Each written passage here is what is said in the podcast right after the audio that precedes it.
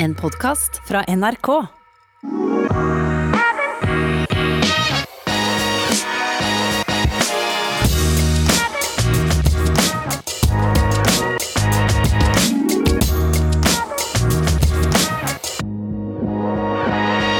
Da går vi på igjen. Ny episode av I det lange løp. Velkommen skal eh, dere være. Jeg er eh, Jan Post, fortsatt kommentator i NRK. Kommenterer mest langrenn om dagen. Kommenterer eh, friidrett om sommeren.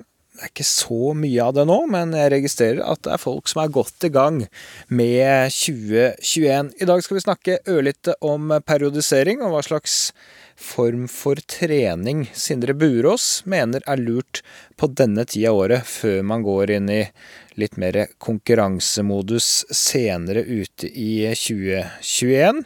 Så litt om grunntrening blir det. Men eh, Christian Ulriksen, tidligere pokerproff.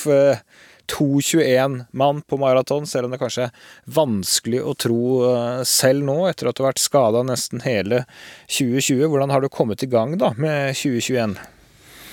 Nei, det er lettere å tro på det nå enn for en måned siden. Så det går fremover. Vi fikk jo beskjed hos vår gode venn her i Finland om at vi kunne springe seks dager i uka og holde oss rundt 40-45 minutter. Så jeg har faktisk fått trent brukbart her i, i to uker. Holdt det ganske enkelt og greit og bytta litt på å springe på mølla og ute, og ikke sprunget intervall. Så de gangene jeg har følt meg litt OK, så har jeg sprunget litt progressivt. Og så har det nå ligget en plass mellom 4.50-4.40 på, på, det som er rolig. Nå er nok ikke det helt rolig, det er sikkert litt lett moderat. Og så ned mot fire blank på det som har vært litt eh, kjappere. Men det har vært eh, enkel trening og vært ute når det har vært mulig for å få litt luft og i det hele tatt litt sol og, og de tingene. Så jeg ser egentlig optimistisk på 2021. Du har jo fulgt deg på denne treningsappen Strava i mange år, men nå har det blitt mørkt, stille det er ikke et pip fra deg på Strava lenger. Hva er det som skjer? Nei, nå har vi tatt oss eh, sammen her. Nå er det 100% fokus på seg sjøl, og så er det å få sletta unna all mulig møkk her til man er i så god form at man eh, logger på igjen. Jeg Trodde ikke du skulle bli så selvhøytidelig at du ikke turte å vise fram eh, kjedelig og rolig trening? Nei, men det har også av og til sine fordeler med å ligge litt lavt. Da slipper du å bli forstyrra av alt mulig piss, og så eh, kan du liksom bare komme litt tilbake når du sjøl føler på det. Så jeg tenkte egentlig at det kan være greit her å ta seg en periode uten noen form for informasjon til Gud og enhver mann, og så får vi se om, om det kan gi noe eh, motivasjonsboost, det. Fører du treningsdagbok selv, da? Ja, ja, det gjør jeg. Begynte nå når jeg begynte å trene ordentlig. Så den treningsdagboka for 2020 den stoppa på Barcelona halvmaraton i februar. Siden jeg ikke skrevet ned en eneste ting. Men eh, nå er vi på uke to på et nytt program, og vi skal ta ny MR 1.3. Så jeg har ni uker med trening for eh, en ny MR. Og så håper jeg å kunne trene litt bedre fra 1.3. Og så eh, håper jeg vi er i en litt annen situasjon med tanke på korona og hele greia fra eh, mai-juni av, spesielt i Norge. Du som spøker med at du er fra Nordpolen, du pleier å være litt i konkurransemodus egentlig på denne tida av året, du. Mørketidsløpet. Det går til helga. 800 deltakere får eh, være med, mye mindre enn vanlig pga. Eh, korona. Men det blir nå i hvert fall løp over flere distanser. Og du glimrer med ditt fravær. Ja, det er synd å si det. Det der har jo nesten vært den eh, beste konkurransearenaen jeg har hatt hvert år. Jeg har brukt å springe halvmaraton og har vunnet en, eh, jeg vet ikke, tre-fire ganger, tror jeg. En av de første gangene jeg vant et løp, var jo der på vinteren og fikk slått han Erik Haugsnes og en som heter Glenn Thomas Martinsen. Det var ganske stor dag, husker jeg. Jeg tror det var sånn i 2015. Jeg hadde vært to uker og trent der på Gran Canaria og kom tilbake og og de andre guttene hadde feira jul med familien. Så eh, vi fikk tatt dem når de var litt nede for telling og jeg var litt oppe. Men eh, noen konkurranser i, i, første del av 2021, det blir det dessverre ikke. Det blir konkurranse med seg sjøl om å få trent. Ja, men der er du i hvert fall i gang. Jeg klarte jo egentlig ikke å vente til 1. januar jeg må begynne å trene i år, så jeg tjuvstarta egentlig 1.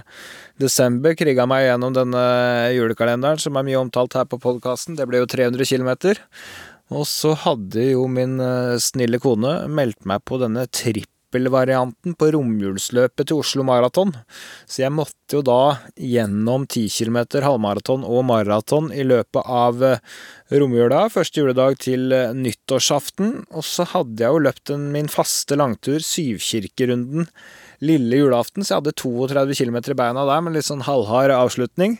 Så da var ikke jeg klar for å begynne før andre juledag, så da hadde jeg jo fem dager på meg, da kriga meg gjennom en halvmaraton på ganske heftig, glatt snøunderlag eh, oppe i løypa til Perseløpet. Det var jo ikke mulig å løpe fort, men vi fikk en god treningsøkt, litt progressiv variant der.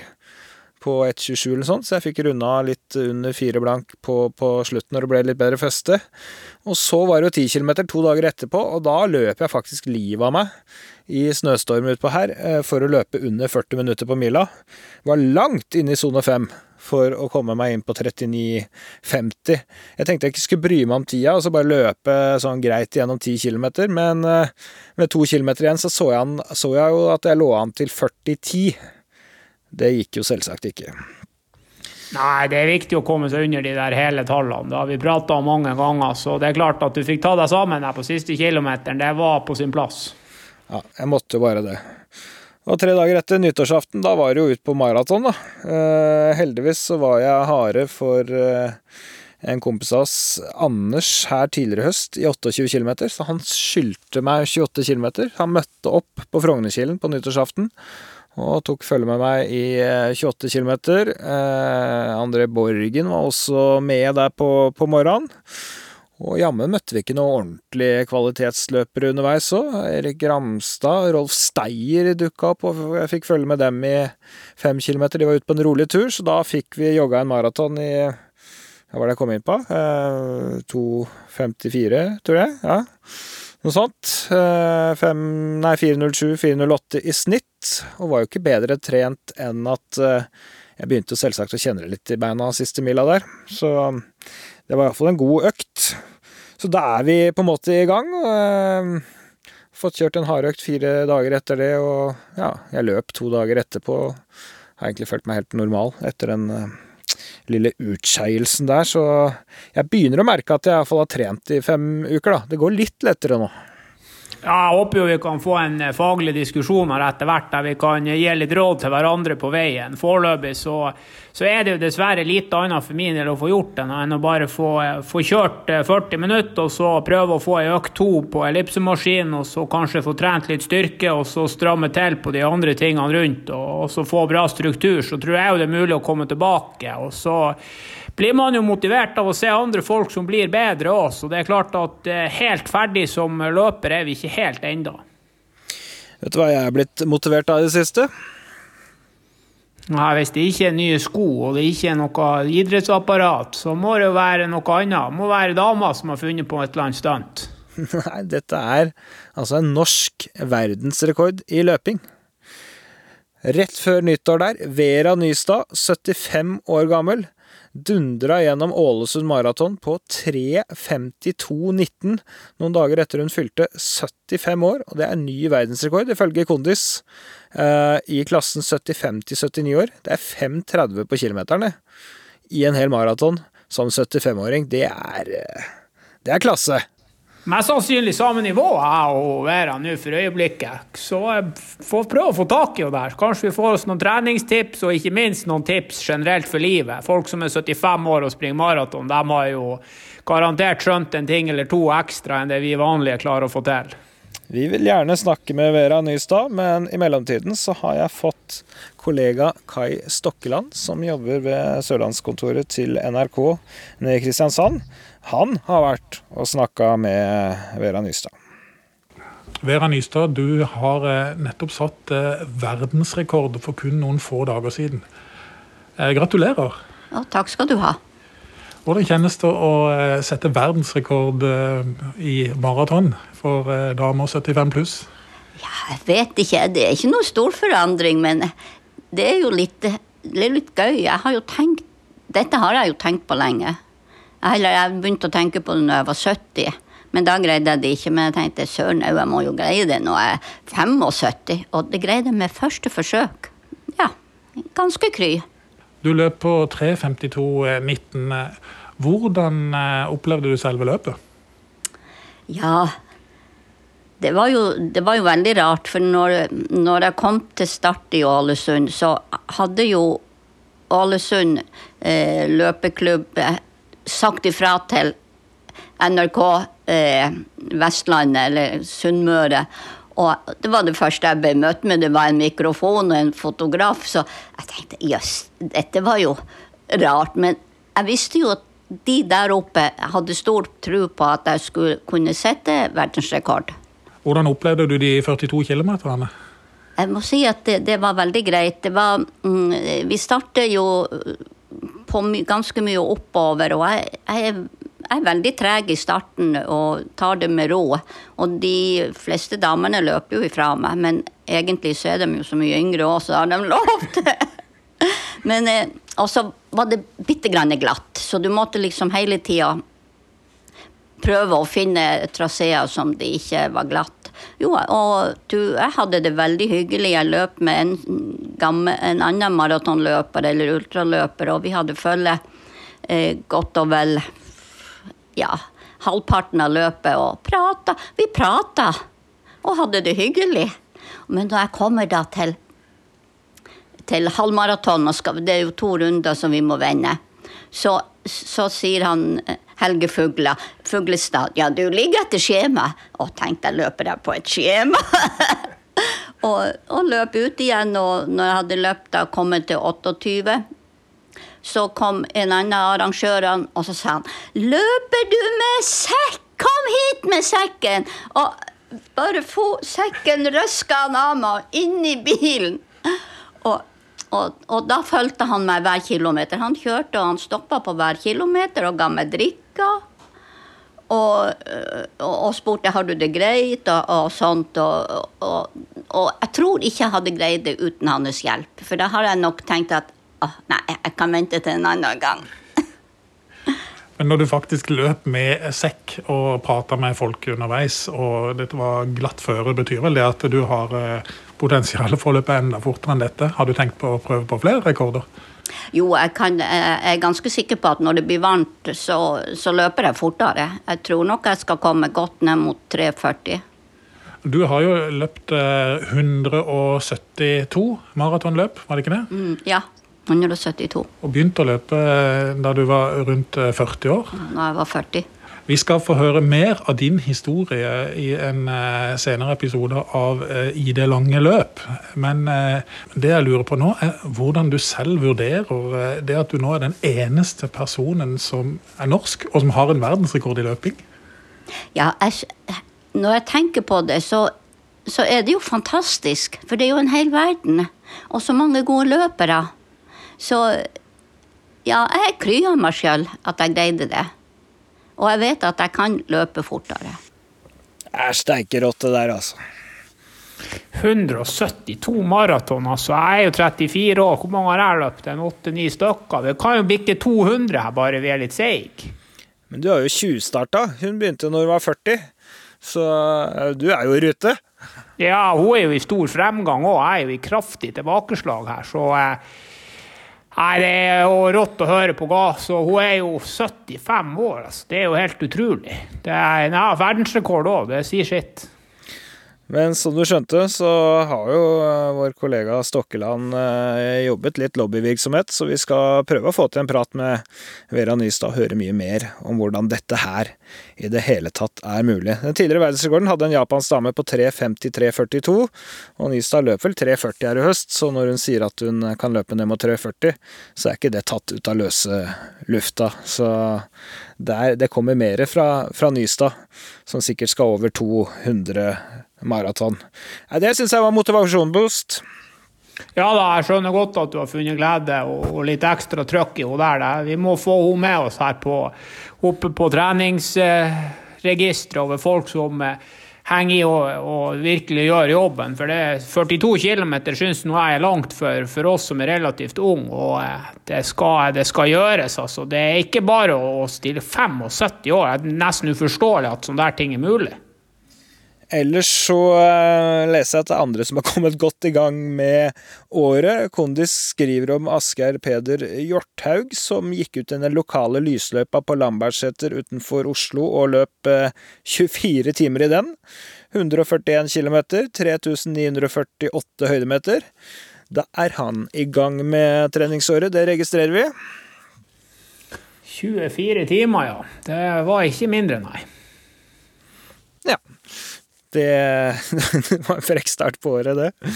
Du, men uh, vi må snakke litt, uh, peise litt inn på dagens tema, uh, periodisering og, og, grunntrening. Har du gjort deg opp noen tanker om hvor mye periodisering som lønner seg å gjøre over et år, og hva man eventuelt skal gjøre annerledes i en periode hvor ja, veldig mange, da, i hvert fall har, spesielt nå under korona, har ganske lenge fram til neste konkurranse å trene på? Nei, jeg er jo en person som liker å gå systematisk til verks. Så hvis det er sånn da, i, et normalt år så bruker vi å springe halvmaraton i, februar. Vi har jo vært nede i Barcelona ganske mange år på rad, og så har man tatt seg en ny halvmaraton i april. Og, og trening for å springe langdistanseløping, alt over 1500 meter, det handler jo først og fremst om kondisjon. Så jeg har prøvd å, å eh, ikke sprunget så hardt på hardøkten de siste årene, og så heller prøvd å sprunge litt mer. Så de, de beste treningsperiodene har jo ofte vært fra, fra, januar frem til april, og så et lite sånn avbrekk i, i Barcelona der i februar. Og da er det jo ja, få flest mulig kilometer på, på ei fart som kanskje er fra maratonfart og, og, litt høyere, og så ikke sprunget spesielt mye fortere enn 10 km-fart egentlig på noe som helst. Det kan jo hende at, at, i ettertid så burde jeg kanskje hatt noen innslag av noe 45-15 eller noe sånt som gikk litt fortere, men, men jeg syns jo at jeg har i hvert fall etter å ha flytta til Oslo, så har jeg fått brukt vinteren, eh, brukt vinteren bra, egentlig. Og bare tenkt at du må bygge best mulig grunnmur. Ja, høres ikke så dumt ut, det. Du, det er lenge siden vi har hørt med Sindre Burås. Eh, det må vi gjøre rett og slett å gjøre noe med. Er jo meget fornuftig mann når det kommer til løping og trening. Løp altså VM-finalen i Beijing i 2015 på 5000 meter, er U23-europamester og ja, han løp ikke så verst i sommer heller, selv om han egentlig ikke trente for å konkurrere. Så um, jeg tok rett og slett kontakt med han, ja, for å høre litt om hva han tenker om dette temaet. Og jeg gleder meg til å bore litt i hodet hans. Det skal bli hyggelig å kalle opp en som har vært med oss veldig eh, mye i denne podkasten, men som har vært eh, borte en stund. Eh, godt nyttår, Sindre Burås. Takk for det. Åssen står det til i 2021?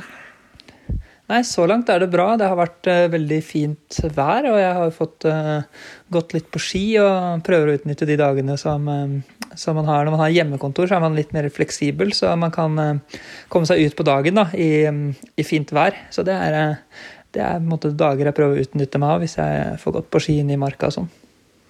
Ja, Åssen er det med løpingen, da? Du, man vet jo aldri når man spør deg. Det kan jo alt være alt fra at du nærmest ikke løper, til at du skal satse mot OL. Så her føler jeg at spe spek spekteret er hvitt. Ja, nei, nå er det nok igjen eh, Nå er det nok i den andre enden av OL, vil jeg si. Eh, det er eh, veldig lite som minner om OL-ambisjoner nå for tiden. Men jeg holder meg i form. Men jeg vet at jula Jula ga ikke noe formboost, eh, så jeg, eh, fikk ikke Jeg ble ikke sesongklar i løpet av de to ukene, for å si det sånn. Så det er, det er et stykke til eh, OL, men det er helt greit, det også. Jeg tror ikke det blir noe jeg tror ikke det blir noe mesterskap, men god form tror jeg at jeg Jeg har ikke lyst til å være i så dårlig form som jeg, har, som jeg var for et par år siden, så, så formen holder seg nok noenlunde like.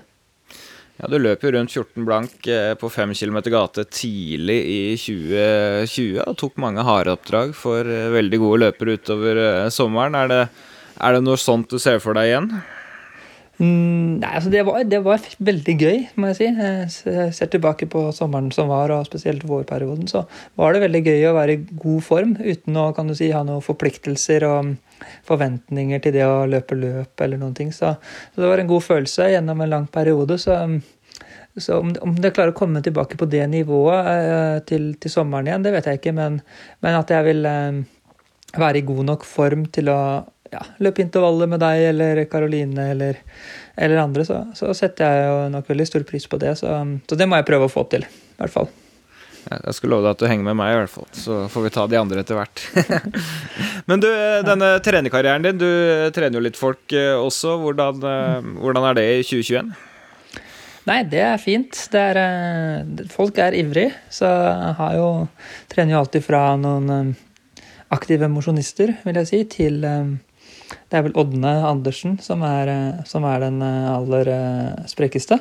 Så det syns jeg er givende, altså. Og mm, folk er motiverte, og løping er, er, i vinden, vil jeg si. Så det er, det er, veldig gøy å se. Og mange som stiller gode spørsmål og, og utfordrer, utfordrer, meg ting som jeg ikke er så erfaren med ennå. Så, så, det er fint. Så siste Siste uh, hva skal jeg si, uh, input nå er en, en svensk uh, utøver som har lyst til å ta OL-krav på maraton. Så det, det, kan bli spennende å se hva slags um, kan du si, bakgrunn og treningsfilosofi en, eh, en person som er over grensa, har. Er det noen navn du kan røpe, eller er det et litt hemmelig ennå? Eh, nei, det er en som heter Linus eh, Rosdal. Han løp eh, på 14.14 på 5000 meter i, i, sommer. Så han, eh, han har jo et, har et utviklingspotensial, vil jeg si. Men eh, folk er ivrige også, på andre siden av grensa, så man vet aldri. men det må trenes.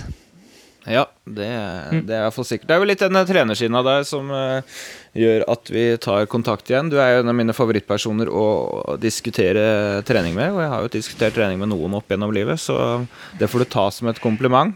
Ja, det er absolutt.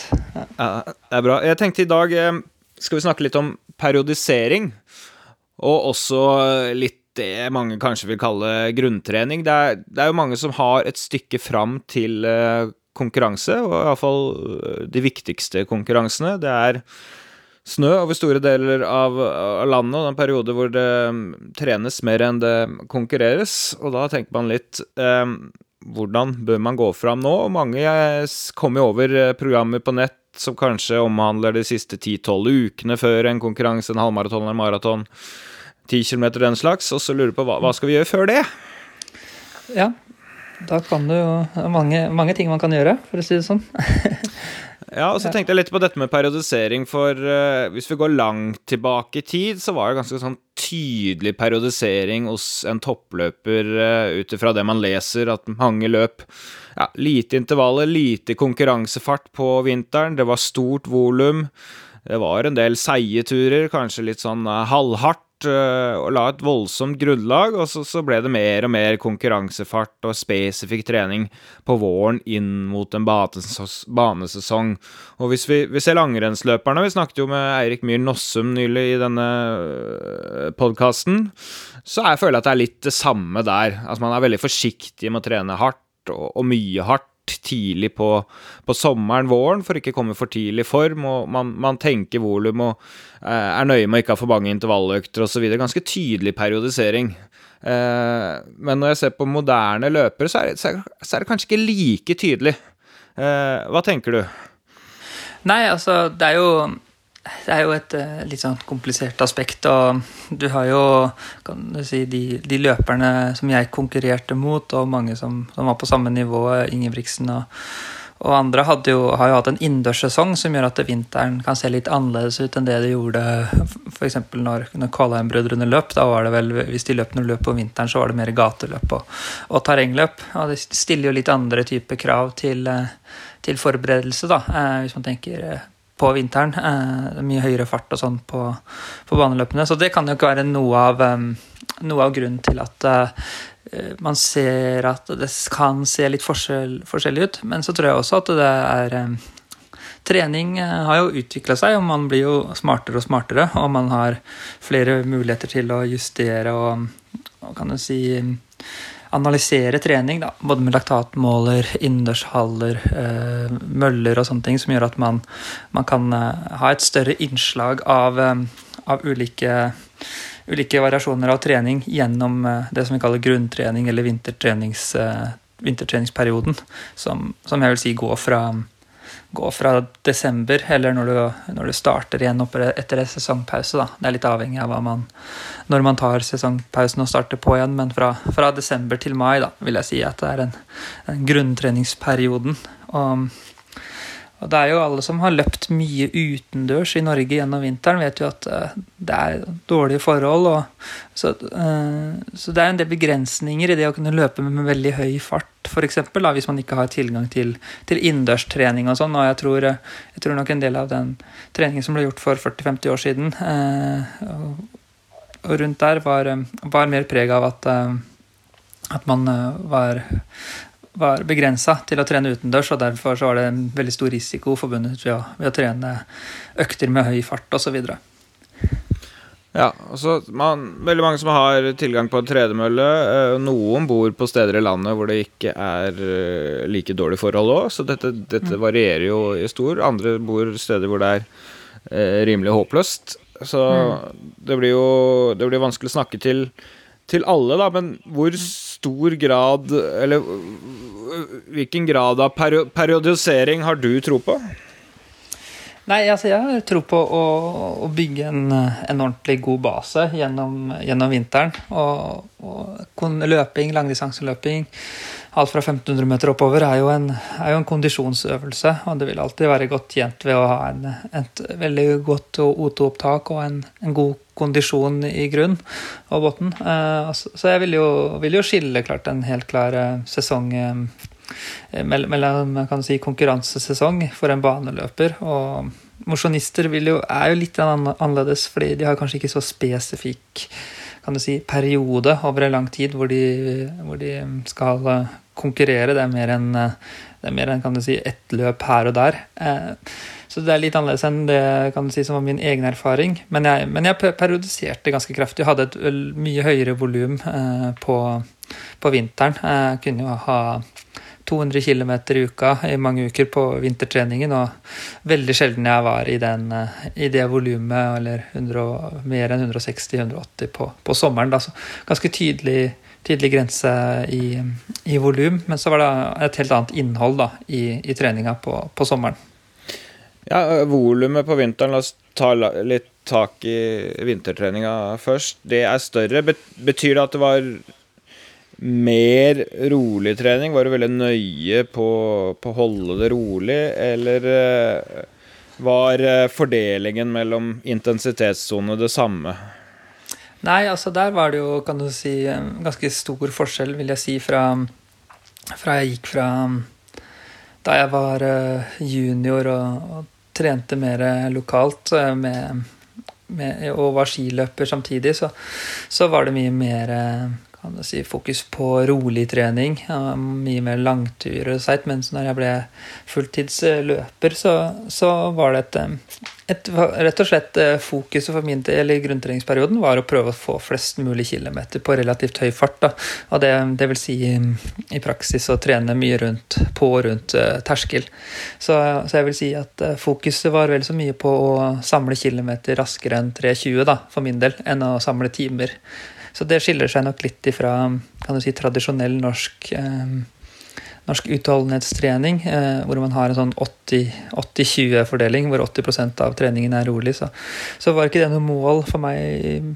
For meg da var det, var det mye mer fokus på å få flest mulig kilometer på, på relativt høy fart.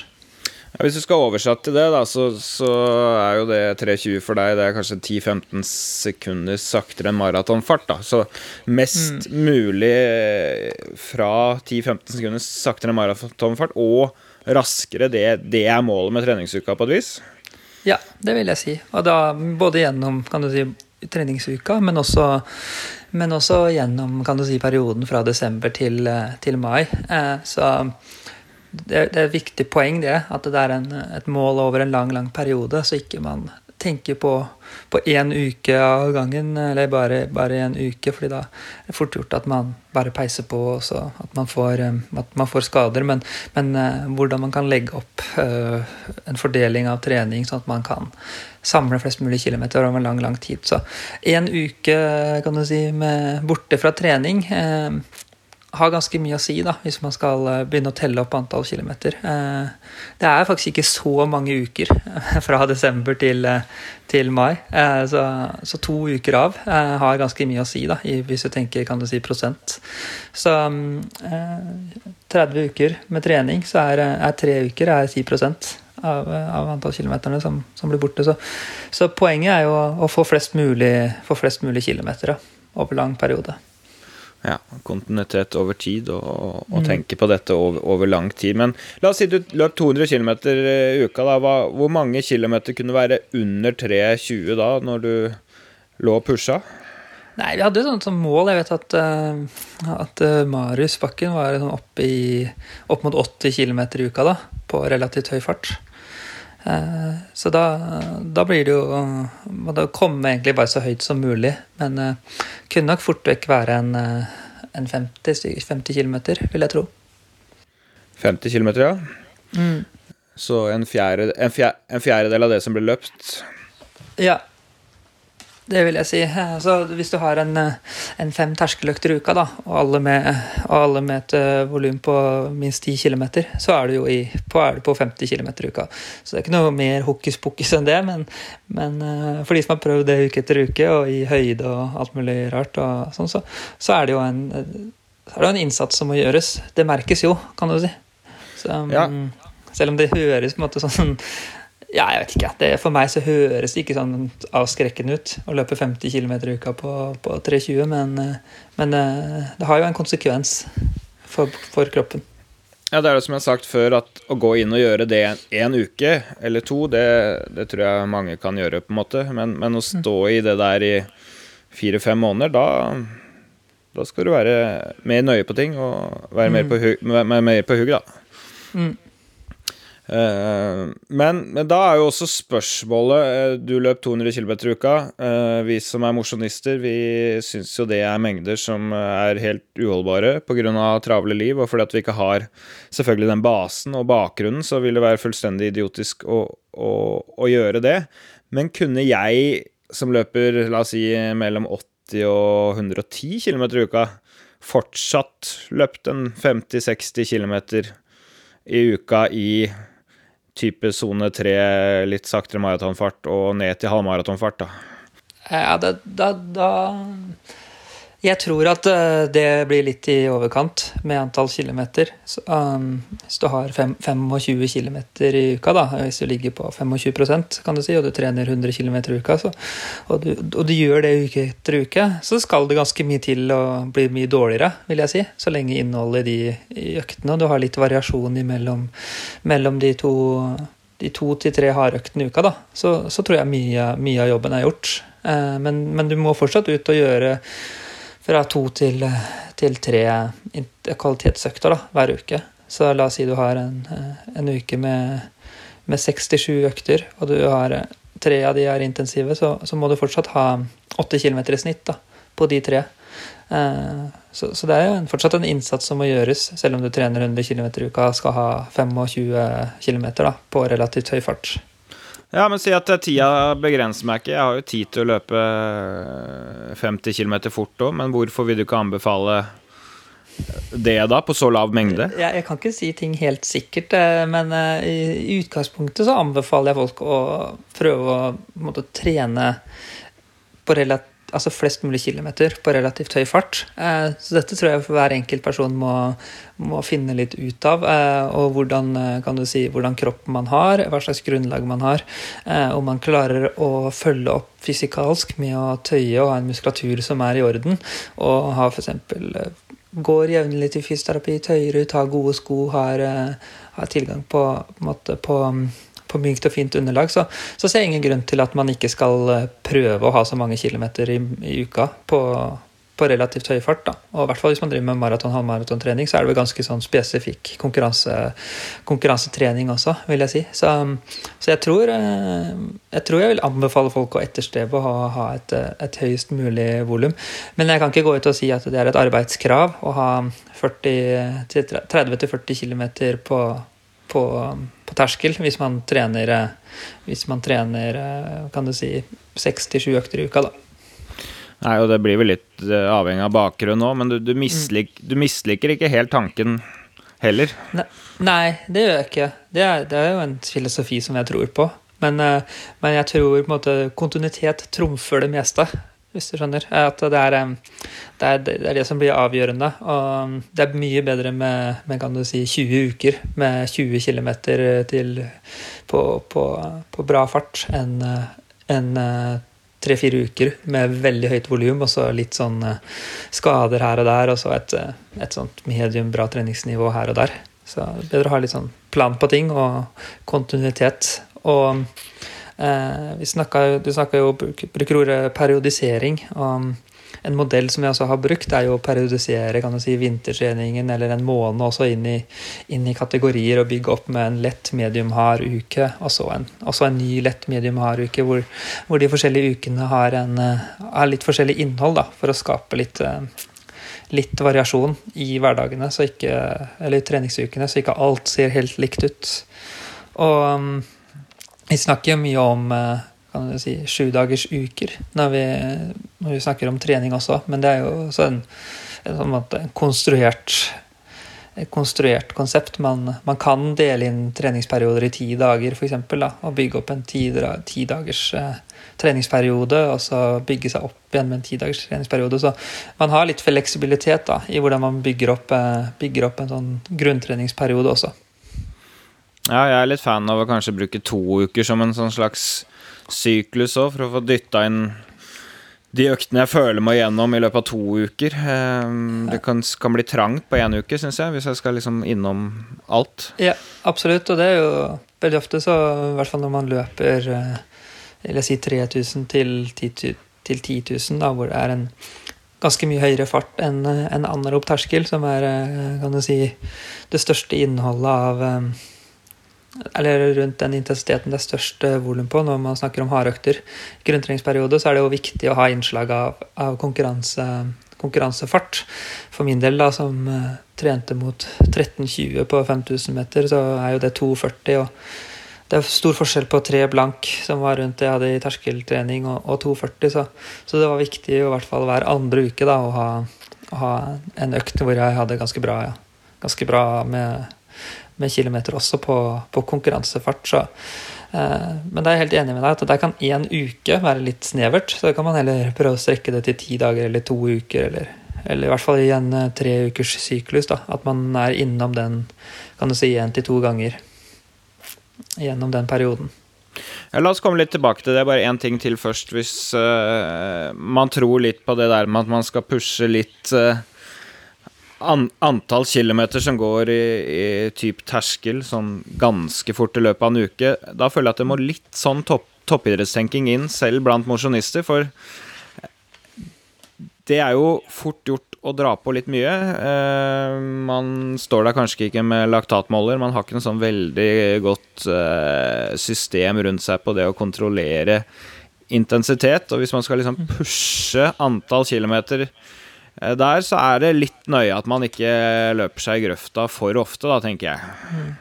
Ja, det, er, eh, det der er jo den, kan du si, kunsten, da. Og det er jo det som det er det som er det vanskelige for toppidrettsutøvere òg, selv om man har uh, verktøy og laktatmåler og sånn. Så, så, er det Det er jo så gøy å løpe fort. Så, altså, folk syns jo det er ja, det, det, kan jeg også skrive under på. At det er jo gøy å pushe å presse seg. Så det er et litt sånn merkelig fenomen, for det er jo ofte vondt og slitsomt. Og så er man litt sånn bevisst på at oi, dette er kanskje ikke så lurt, men allikevel så, så, gjør man det, da. Eller veldig, veldig mange pusher ganske hardt på trening fordi det er gøy, og så i hvert fall hvis det er med andre, så det sånn, blir det litt sånn konkurranse ut av det. Men men der er det er nøkkelen, rett og slett. Å prøve å holde igjen litt. Og så tror jeg det er um, Dette har jeg jo sagt, sagt mange ganger før òg, og det der uh, diskusjonen som som har pågått i alle år. Hvor fort skal man løpe på rolig? Men jeg tror det er viktig bare å ha et sånt bevisst forhold til at man uh, at, man ikke, at ikke det blir for mye kan du si, lapskaus. At man havner et sted mellom rolig og, og anarob terskel. Og være litt sånn bevisst.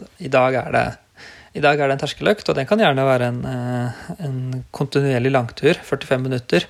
Men, men prøve å, å, være litt sånn bevisst i at uh, i dag løper jeg rolig, og da holder jeg igjen, og så får jeg heller løpe en kvalitetsøkt i morgen. Eh, og da, da blir det høyere kvalitet på, på både, både, i hvert fall de hardøktene, da. Og roligtreningen blir mer som et supplement for å restituere seg til neste hardøkt. Men, men det handler nok i veldig stor grad om bevisstgjøring. og de aller fleste er såpass våkne, og man har eh, man har apparater som kan, kan måle hastighet osv. Så, videre. så det bør, være, det bør være mulig for, for, for, de fleste å klare å ligge, ligge sånn noenlunde riktig på trening. Og det handler ikke om at man må treffe på sekundene på kilometeren, men, men, at man ikke skal være helt i knestående da, på slutten av økta. Det er mer det som er avgjørende. At man klarer å restituere seg til, til neste hardøkt innen et par-tre dager. Ja, for det er, det er, mange som sier at i livet så skal man jo være litt her og nå, men jeg har et lite råd der at man kanskje når det gjelder trening, av og til skal være to dager fram i hodet. Både på slutten av hardøkter, selv om man føler seg bra. Tenke på at det kommer en ny hardøkt om to-tre dager. Og også eh, når man løper rolig dagen før en hardøkt og ting føles ekstremt bra, kanskje har lyst til å løpe både lenger og, og fortere, så tenk en dag eller to eller tre fram, for det er den der kontinuiteten som er vinneren til slutt. Så det gjelder jo Absolutt. å få god nok kvalitet på, på neste hardøkt, hvis, hvis, man klarer det der, da. Ja, jeg tror mye av eh, et lite triks, hvis man er veldig sånn kan du si, konkurranseorientert og prøver å skal være best mulig, så tenk heller å prøve det å måtte, ikke løp, nødvendigvis løpe fortest mulig på økta, men å løpe best mulig. da, At det er en konkurranse å gjennomføre økta på best mulig måte. At det er konkurransen. Jeg vet jo at eh, Philip og Jakob og Henrik, eh, selv om de er eh, ulikt nivå, og det kan vi jo variere i dagsform, så, så, så, er mye av konkurransen på trening handler jo om å gjennomføre økta best mulig. Og treffe på laktaten. Den som, den som, treffer på det de skal løpe på, er den som har kan du si, gjort, gjort jobben best der og da. Og um, det er jo sånn, Du er jo ikke noe bedre enn altså det du, ikke, det, du er ikke noe bedre enn det du er den dagen uansett. Så, så, det er ikke så veldig mye å få gjort med det som burde vært, eh, burde vært bedre. Da er det bedre å bare um, gjøre jobben best mulig der og da med, den, med de forutsetningene man har, og så, og, så satse på at man får, eh, får fremgang da, til, eh, til neste uke, kan du si. Jeg syns det er litt befriende å kanskje ha en sånn periode på året hvor man ikke er så opptatt av farten, men målet rett og slett er å gjennomføre en best mulig økt intensitetsmessig. Jeg Skal treffe på det jeg skal, og jeg stresser ikke så mye med at det ikke går så fort, for det er, det er ganske lenge til neste konkurranse uansett, så jeg tenker at det her skal jo utvikle seg over tre-fire måneder, så jeg er ikke så opptatt av nå, jeg er mer opptatt av å gjøre en riktig økt. Men mm. samt, samtidig kan det jo snike seg inn en, en tanke av og til på at um, Tar jeg i nok? Trener jeg bra nok? Er jeg for snill med meg selv nå, hvis jeg gir meg nå, eller er det det lure? Eh, lurer jeg meg selv, eller er det fornuftig, på en måte? Burde jeg ikke push, pusha det lenger?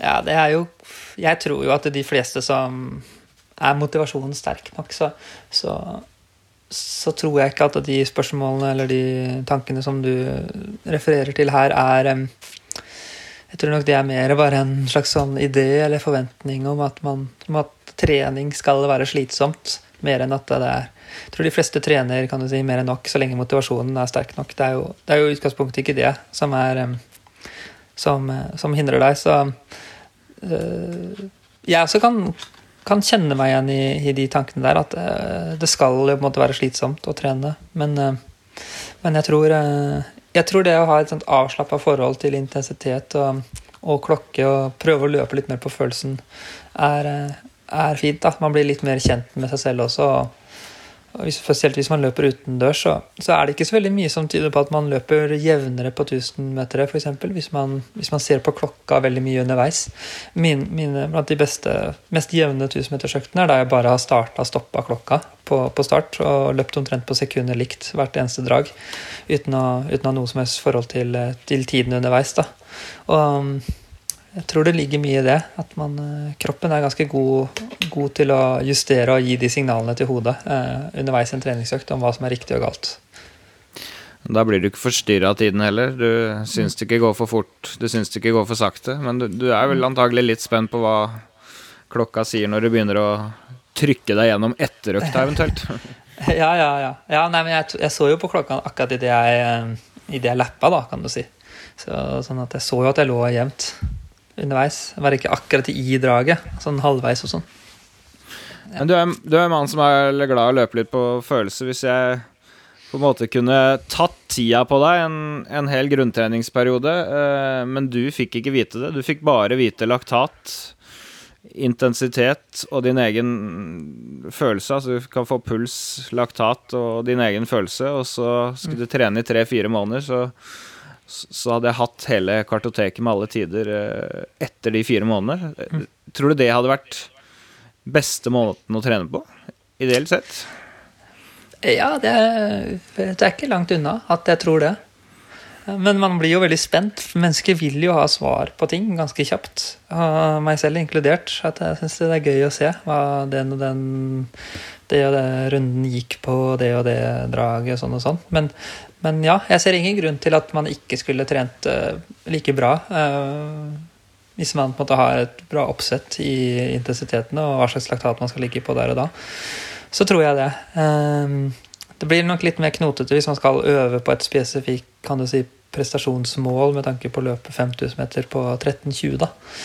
Ehm, så, så, er det jo avgjørende at man også får øvd inn den spesifikke farten når det, når det, nærmer seg sesong, i hvert fall. Men eh, jeg tror man også kan regne seg fram til hva slags intensitet man skal ligge på da.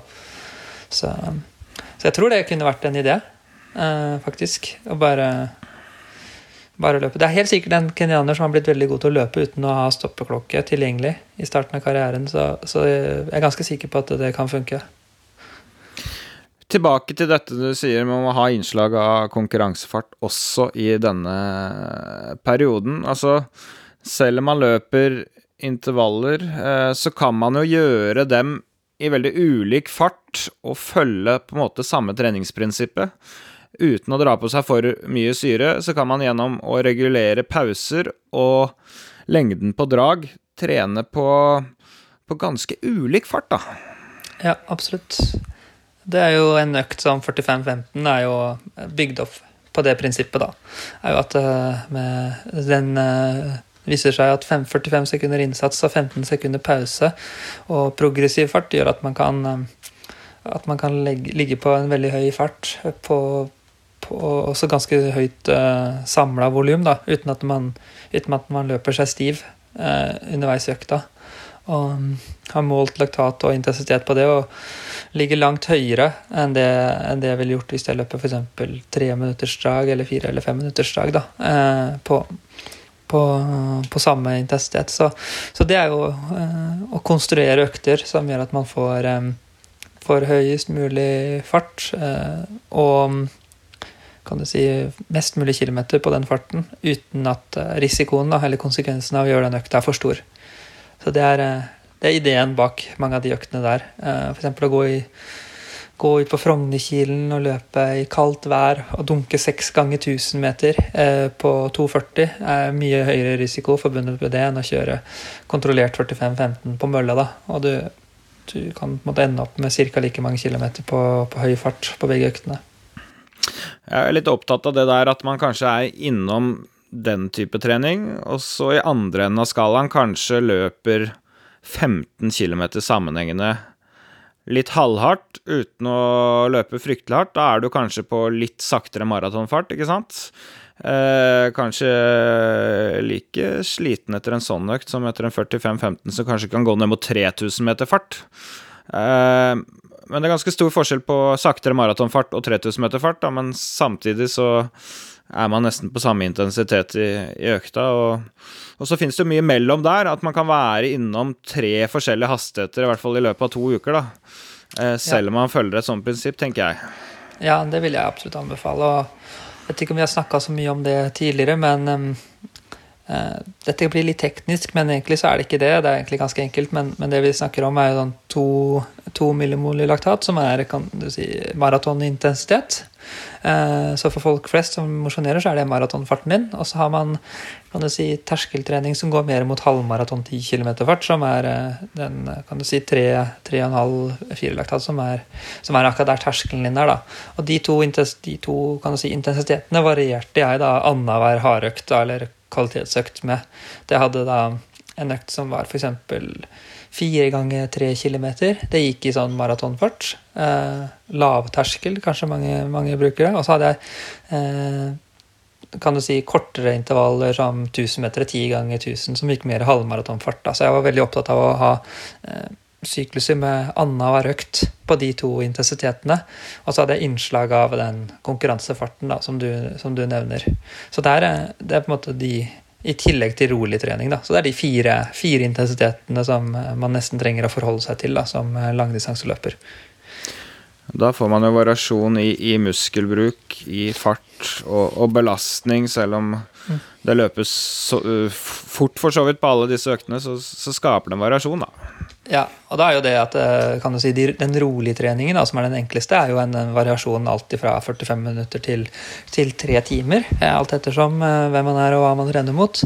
Og så har du da de kan du si, lavterskeløktene, maratonfarten, som, som også kan ha veldig lang lang varighet. Og da er det jo, kan du si, når du løper en spesifikk maratonøkt, så er det jo på den intensiteten. Det kan jo var, ha varighet helt opp i tre mil, eh, vil jeg si. Eh, så har du de, de terskeløktene som var mer halvmaraton, 10 km fart. De har, en, de har et volum på ja, alt fra 6 til, til 12-15 km.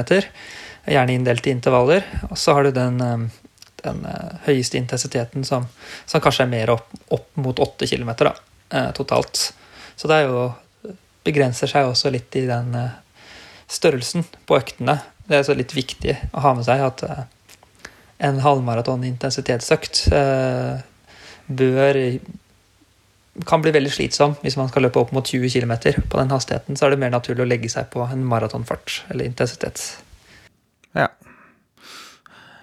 jeg, jeg, tenker jo litt på samme måten, at man, at man kanskje bør innom noe sammenhengende hard mellomhard løping. Eh, enten i form av at man bare løper helt en gitt distanse, eller en annen fartslekk-variasjon der man aldri løper helt rolig. Og så en type langintervall hvor kanskje dragene er mellom 1 og 3 km. Kan man variere litt på det fra uke til uke òg. Og så en kortintervall som er type 45-15 40 ganger 30-40 ganger 200 meter, 20-25 ganger 400 meter, 60-30 ganger 30 Altså den type ting, da. Da har man tre enkle varianter å forholde seg til der òg. Ja, absolutt. Og jeg har jo hatt denne torsdagsintervalløkten i et års tid. Jeg har dessverre litt sånn pause fra det nå pga. Eh, korona og smitterisiko. Men, men, der har vi gjerne også, de som har vært med der og sett kanskje øktene på Strava, og, og sånn, så, så, ser de at det har vært sånn fartsleksøkter fartsleksøkter hvor vi har vært eh, kan du si, litt fra den ene intensiteten og inn i den andre.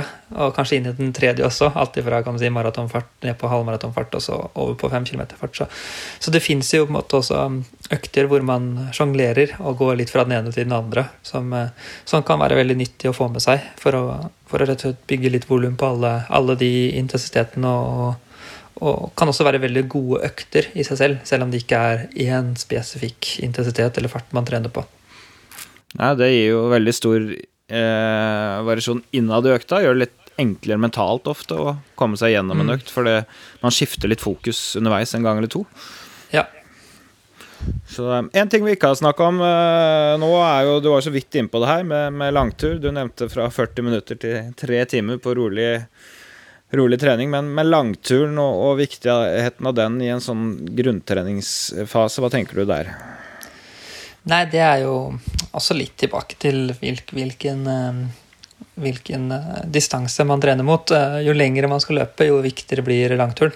Og en, en ultraløper, f.eks., så er det jo nesten bare å trene langturer. Det, det er det aller viktigste.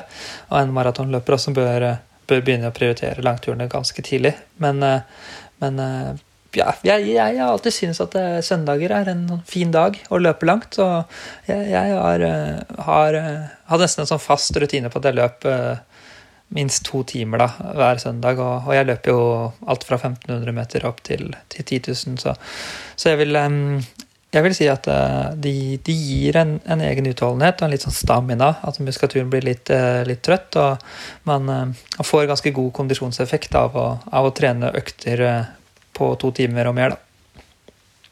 Så den bør ikke sløyfes?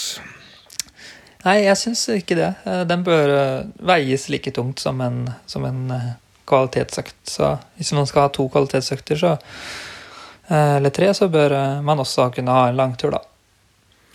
Men du er fan av å ha den ganske rolig? Ja, altså sånn i, i utgangspunktet, men, men trener man mot maraton, så kan jo det være en veldig fin eh, en økt eh, å, å legge til å være, være en kvalitetsøkt med, med høyt tempo, eller variasjoner av tempo også inkludert. da. At man får, eh, kan få mange kilometer på, på rolig tempo, men man skal, kan også bygge inn en, eh, en, en hardøkt inn i den langturen.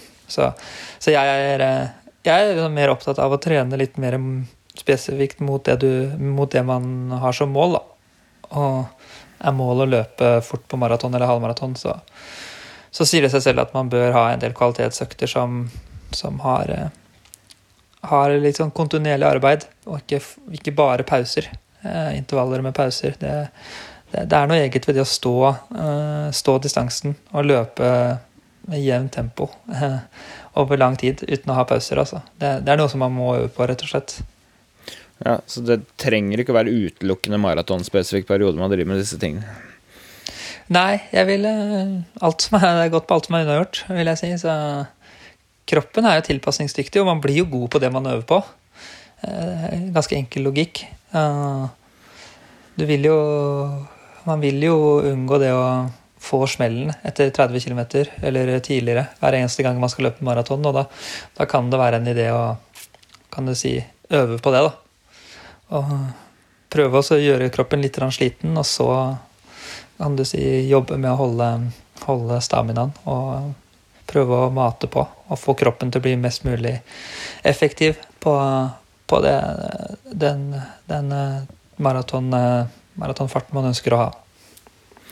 Da har vi vært gjennom en del uh, viktige poeng når det kommer til akkurat denne perioden. Uh, og hvis man skal periodisere litt, hva som er viktig i en slags sånn grunntreningsperiode.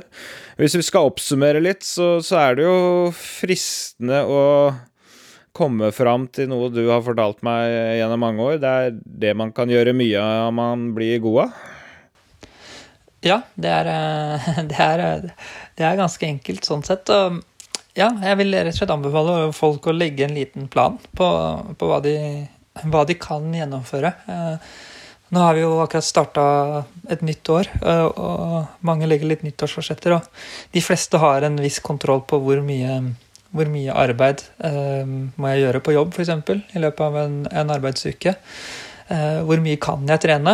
De fleste kan sikkert trene ganske mye og hardt i en uke, men, men jeg tror de fleste har en sånn følelse av hvor, hvor grensa går, og hva man klarer å absorbere. Eh, så jeg anbefaler folk å lage en liten plan og prøve å ikke gjøre for mye, selv om man er motivert og akkurat starta nyåret full av full av motivasjon og ambisjoner. Eh, men prøve å legge en plan på, på hva, man kan, hva, man kan, klare å absorbere gjennom en, en periode fra nå og fram til mai. Det tror jeg, der tror jeg nøkkelen ligger. Ja, og der kan jeg gjerne kaste inn en brannfakkel, for det er en del motiverte folk nå i januar som har eh, kost seg bra i jula, som eh, jeg har gjort, f.eks., og som eh, kanskje har den høyeste motivasjonen nesten i året akkurat nå. og jeg eh, bygger seg opp gradvis. altså Hvis man klinker til for hardt her nå og har trent lite en periode, så går det ofte skeis. Jeg er mer opptatt, på en måte, hvis du trener, tenker en grunntreningsperiode fra januar til april, i hvert fall så jeg er mer mm. opptatt av hva du kan stå i, og hva du kan gjøre samtlige uker i april, og hvilken progresjon du kan ha fram mm. dit, enn jeg er opptatt av hvor mye du kan klare å trene andre uka i januar, da. Så Tror du er eh, inne på noe der. Og, og det er jo Håper ikke vi ødelegger for noen nå som har planlagt å løpe to økter hver eneste dag den første uka i, i, i januar, men, eh, men eh, det er ikke nødvendigvis lurt hvis ikke man har tid til det. Eller erfaring med det, eller overskudd til det. da. Så det er finere å gjøre det kan du si, den siste uka av sommerferien. Da har man ofte litt balanse og tid og bygd seg opp. Så, så, vent litt i sommeren med å pushe alt man kan, da. Ja, ha et lite øye til hva du kunne tenke deg skal være treningsstatus, og hva du skal kunne klare å gjøre gjennom et par uker på slutten av april, og så prøve å bygge deg opp opp dit, og så ikke legg et så eh, ambisiøst opplegg som gjør at det er fare for at du skuffer deg selv allerede i slutten av, av januar, for det gir en mental smell og, og dårlig kontinuitet som, som regel. Ja, så det er litt sånn viktig for min del å påpeke at um, nå snakka vi liksom litt teknisk om laktat og intensitet og sånn, og det, jeg, jeg, vil på ingen måte si at det er noe, noe At alle må dra og løpe, seg en, løpe, løpe, og kjøpe seg en laktatmåler og sånne ting. Og det gjelder litt med, med det meste. Hold det litt enkelt, stol litt på følelsen. og og hvis man er nysgjerrig på sånne ting, så kan man heller dra og ta en, en laktatprofil. Det kan være fint å gjøre nå i starten av en treningsperiode. Og så kan man, kan man eh, se litt av hva man har eh, av potensial å utvikle på. Så kan man ta en ny en da, når det nærmer seg eh, konkurranse i f.eks. april, og se om man har utvikla seg. Det kan være en sånn, mer en målsetning om å prøve å utvikle spesifikke spesifikke, kaller det si, eh, arbeidskrav eh, mot, mot, et, eh, mot, et, mål, enn at man skal trene så og så mange kilometer i blinde, da. Ja, Fint du kom inn på det, for det hadde jeg egentlig tenkt å komme inn på. Dette med å, å teste seg selv litt. Om du kanskje, i tillegg til det du anbefaler med at kanskje ta en laktatprofil eh, For de som vil ha det enda enklere, kanskje ha en, en standardøkt på, på tredemølle, hvor man eh, måler puls, eh, fart og den slags. Eh, som man kan kjøre en gang i måneden. Ja, det tror jeg. Det er, det er, også veldig mye gjort. Det trenger ikke å være noe mer komplisert enn det. og kan du si, Er det løping man driver med, og man ønsker å løpe fortest mulig på en distanse, så er jo det å løpe ganske fort på en distanse over en, en, en tid ganske, ganske, bra trenings, altså sammenligningsgrunnlag, da. For det er jo faktisk det man driver med. Ja, hva, kan, hva, kan, en sånn, uh, kall det kontrolløkt eller standardøkt, hva kan det være for noe? Eh, nei, det kan være litt sånn som du var inne på tidligere. Den one hour challenge vil jeg jo si at er veldig den, den, er veldig ærlig, kan du si. Eh, og det å løpe alt du kan en times tid. Og da får du veldig svart på hvitt om du har utvikla deg eller ikke. Eh, så kan man jo alltid si det er noen menn At man bør jo kan du si, legge opp den siste uka litt på samme måten, sånn at sammenligningsgrunnlaget er, er best mulig det er veldig stor forskjell på om man har vært ute på byen til klokka fire, og så tar man en test, test klokka ti dagen etterpå, eller om man har uh, hvilt og har overskudd, så kan det jo være små variasjoner. Så sørg for at man har noenlunde, noenlunde like, likt samlingsgrunnlag. Men, men, jeg vil si at å løpe en, en sammenhengende økt vil kanskje gi det aller beste, beste sammenligningsgrunnlaget. Og om det er mølle eller, mølle eller utendørs, så spiller ikke det så stor rolle, men eh, man må vite at eh, utendørs og sånn, så er man litt mer sårbar mot, eh, mot vær og vind. Men, men, jeg personlig ville nok, hvis jeg ikke hadde hatt puls eller laktatmåler, så ville jeg kanskje løpt en 45 minutter eh, i, i, eh, på tredemølle og, og sett rett og slett hvor langt jeg kom, og prøvd å gjøre meg noen notater eller refleksjoner rundt hvor mye jeg tok i. Og så ville jeg gjort en ny sånn type økt. Eh, kan du si, eh, noen uker senere. Da har du både en økt, og så har man også et, et veldig bra sammenligningsgrunnlag. Ja, la oss, gjøre, la oss, gjøre, det der helt uh, konkret. Altså du eh, Fra siste hardøkt før en sånn test, så gjør du to eller tre ganske like treningsdager hver gang. Uh, ikke finne på noe vanvittig sprell på, på nattestid heller. Så får man ganske standard innkjøring, og så løper man 45 minutter på mølle eller utendørs, det man kan. Registrerer puls. Det er det veldig mange muligheten til. Og så har man både fysiske resultater og pulsmålinger. Og så kan ja, man gjøre det en gang i måneden. Ja, selvfølgelig. Ja.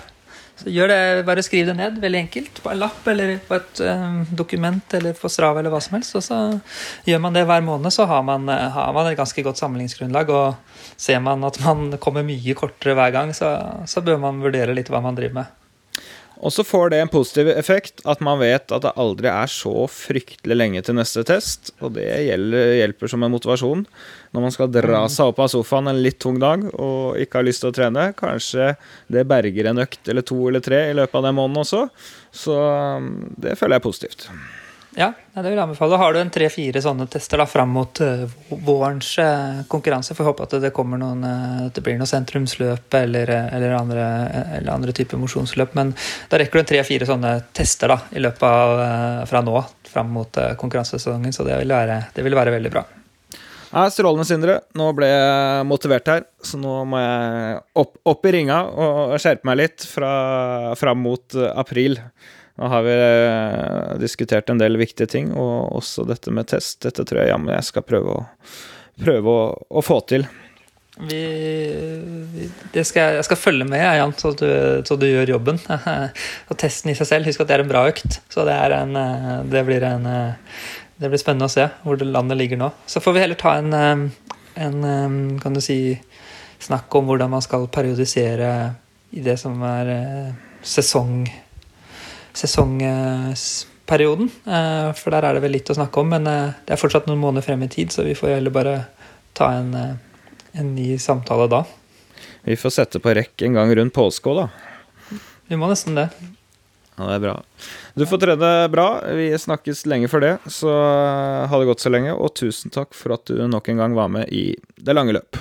Bare hyggelig. Jeg syns ikke Burås skuffer denne gangen heller, Kristian. Nei, han Burosson er faktisk blant de aller eh, beste trenerne innenfor langdistanseløping som vi har her i Norge. Han har en eh, karriere og en bakgrunn som er ganske unik. Han er fortsatt ganske ung og sulten, og så er han eh, han lider nok godt av at han har to foreldre som er lærere, og at han er akademisk anlagt. For han er god å prate for seg, og jeg har jo vært i en del forsamlinger sammen med hans indre, og han er god til å vekte seg hvis du prater med han Odne i ene øyeblikket som kanskje prøver å komme til OL, og i det andre øyeblikket så prater du med en, en 60-åring som skal trene tre ganger i uka, så er han god til å, å finne løsningen eh, på alle plan. Ja.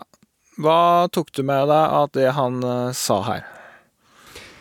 Nei, altså Han prater jo selvfølgelig en del om sin egen karriere, og det er noe først og fremst fascinerende å høre på. Altså En, en mann som har eh, sprunget VM-finale på 5000 meter, han, han, har selvfølgelig noe litt annet enn oss, oss andre som skal høre på. Men, men det at han eh, snakker om, om litt eh, å ta ned litt farta og prøve å tenke at du skal ha flest mulig kilometer på ei fart som gjør at du kan trene ganske bra igjen dagen etter. og at fokuset for Hans Indre 1.1 det var liksom å komme seg til Sør-Afrika eller til Kenya eller noe sånt. Og så var det å få trent flest mulig uker på rad frem til 1. mai, liksom. Og da, da sier det seg sjøl at du kan ikke drive og trene så sinnssykt hardt hvis du skal prøve å springe såpass mange kilometer som det, det de guttene gjorde. Og så er han jo også inne på at eh, får du to uker avbrekk og det tar to uker å komme tilbake, så er du plutselig gått bort én av fem måneder, og, det er jo 20% liksom. Så viktigheten av kontinuitet er jo enorm. Og på denne tida av året så tror jeg for, for oss eh, mosjonister og for oss som på en måte prøver sånn halvseriøst, så tror jeg at det er mer å hente på å få trent hver dag enn å trene på en måte såpass hardt eller så hardt som man har lyst til. Men det kan jo være litt kontroversielt i enkelte kretser, dette her med at man på en måte skal jage litt antall kilometer på, på terskel, sånn halvhardt til uh, semihardt uh, per uke, da. Uh, selv om man ikke har det voldsomme volumet, så blir det ganske stor prosent av treningen eventuelt. det er ikke alle som er i det, tror jeg. Nei, definitivt ikke. Vi har jo flere gode kompiser som kommer fra Australia, der det er en, en annen treningsfilosofi, og en, en mann som han Stewie McSwain, som er like god omtrent som han Jakob, han har et helt annet treningssystem, i hvert fall på papiret, enn det han Jakob har. Så så jeg tror man skal, eh, man skal, ta med seg at en viss mengde kilometer må man ha. Og så er det nok noen som trener mer alternativ, og så er det nok litt forskjell på, på hva folk tåler. Men at det må trenes, og at det viktigste det er å få trent en del rolig, sånn som han Nossum var innom. Og så får man bygge litt derifra, det er jeg ganske sikker på. Ja, jeg tror vi anbefaler folk å rett og slett komme seg ut, utnytte de gode dagene innarbeide noen treningsrutiner og, og, vaner, rett og slett en slags treningsrytme, og så kan man gradvis gå mer og mer over til å tenke mer og mer på innholdet. Føler man seg pigg en dag, så, så løp i, i, brukbar hastighet i form av en intervall eller sammenhengende, så du får jobba sånn passe hardt over, over, litt tid, og så kan man løpe rolig. Og føler man seg pigg igjen, så, så kan man samle noen litt raskere kilometer uten å løpe seg i, i grøfta. Det tror jeg er fint på denne tida her. og så ikke stresse for mye med tider og hva man bør ligge på, og hva man lå på på sitt beste. og hele den greia der. Få litt sånn mental ro. Ja, nå er jo jeg Kanskje jeg har terskelfart rundt 3.45 til 3.50, så jeg er jo kanskje 30 sekunder dårligere enn det jeg har vært på på det beste. Og, og når jeg springer ute nå, så eh, spesielt når jeg springer ute, da eh, skrur jeg bare på klokka, og så bor jeg nå på Majorstua, så hvis jeg springer litt nedover først, ned mot Bygdøy eller noe sånt, så får jeg de første kilometerne i slak nedoverbakke, og så går det an å springe noen flate plasser, og så litt kupert oppover når jeg springer hjem, og jeg vet jo at ikke jeg kjenner jo på pusten at jeg ikke er langt ned i sone 1, og at jeg kanskje er litt oppe i både sone 2 og sikkert i sone 3, men, men, det å stå på ei tredemølle hver dag og springe 40 minutter helt rolig, eller litt rolig og litt moderat, det, det, det, skal du være sinnssykt motivert for å orke, spesielt når du er i dårlig form. Så jeg vil jo anbefale at folk er litt fleksible på hvor de trener, og, hvis de nå kan trene med en god kompis eller, eller dama, eller dama til en kompis, så er det bedre enn å bare kjøre på alene. Virker som vi egentlig er i form til å kunne trene litt sammen. nå. kanskje vi skulle prøve å få til en økt? Nei, det blir ikke ennå. Jeg har iallfall en avtale med samboeren din i morgen tidlig, så jeg får, får lufte hun litt, da. I hvert fall. Hun er i bedre form enn meg, så du får ta han over henne. Ja da, hun, går lett om dagen, så det er ingen uh, tvil om det. Du, eh, som jeg nevnte tidligere i episoden, du har spøkt litt med at du kommer fra Nordpolen. Jeg har en liten intensjonavtale med noen som, skal vi si det sånn, de, de driver og løper nærmere Nordpolen enn deg. Kanskje det blir neste ukes episode. Den som eh, lever, får se. Takk for at dere fulgte med denne gangen. Så får dere lykke til med treningen, alle sammen, i denne grunntreningsperioden. Over og ut!